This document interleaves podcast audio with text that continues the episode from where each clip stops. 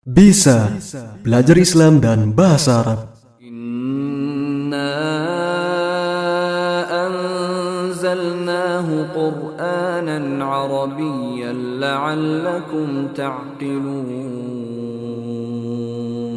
Sesungguhnya kami menurunkannya berupa Al-Qur'an dengan berbahasa Arab agar kamu memahaminya.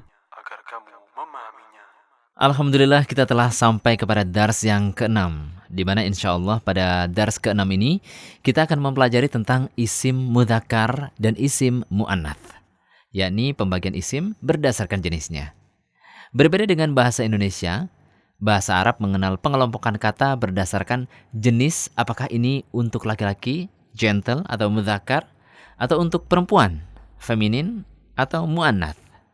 Misalnya kalau orang Arab mau mengatakan Zaid itu pintar.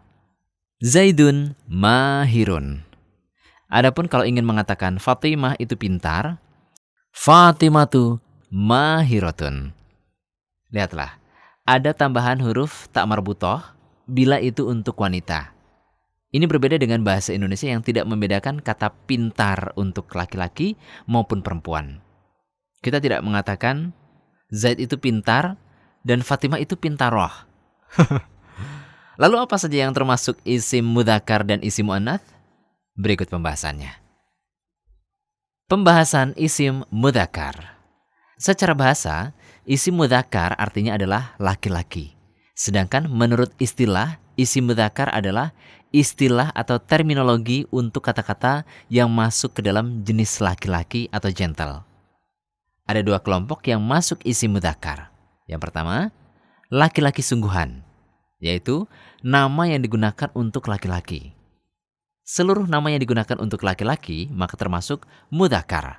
Contohnya, Zaid, Ahmad, Yusuf, dan Nuh.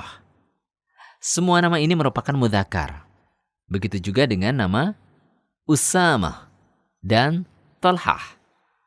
Meskipun dua nama tersebut ada tamar butoh di belakangnya, tetapi karena nama ini digunakan untuk laki-laki, maka Usama dan Tolhah termasuk mudakar. Ini jenis pertama dari isi mudakar. Yang kedua, dianggap laki-laki. Yaitu semua kata dalam bahasa Arab yang tidak mengandung tamar butoh, hukum asalnya adalah mudakar. Contohnya, kitabun, buku, kolamun, pena, thaubun, baju. Karena ketiga kata di atas tidak ada tamar butohnya, maka kata tersebut adalah mudakar. Ini adalah definisi sederhana dari mudakar. Pembahasan isim mu'anath. Mu'anath secara bahasa artinya adalah perempuan. Jadi pada dasarnya isim mu'anath adalah kata yang masuk ke dalam kategori perempuan. Sama seperti isim mudakar. Secara umum kita bisa membagi menjadi dua kelompok.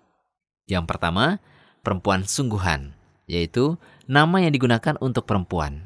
Contohnya, Aisyah, Khadijah, Fatimah. Begitu juga nama perempuan berikut ini sekalipun tidak diakhiri tamar butoh.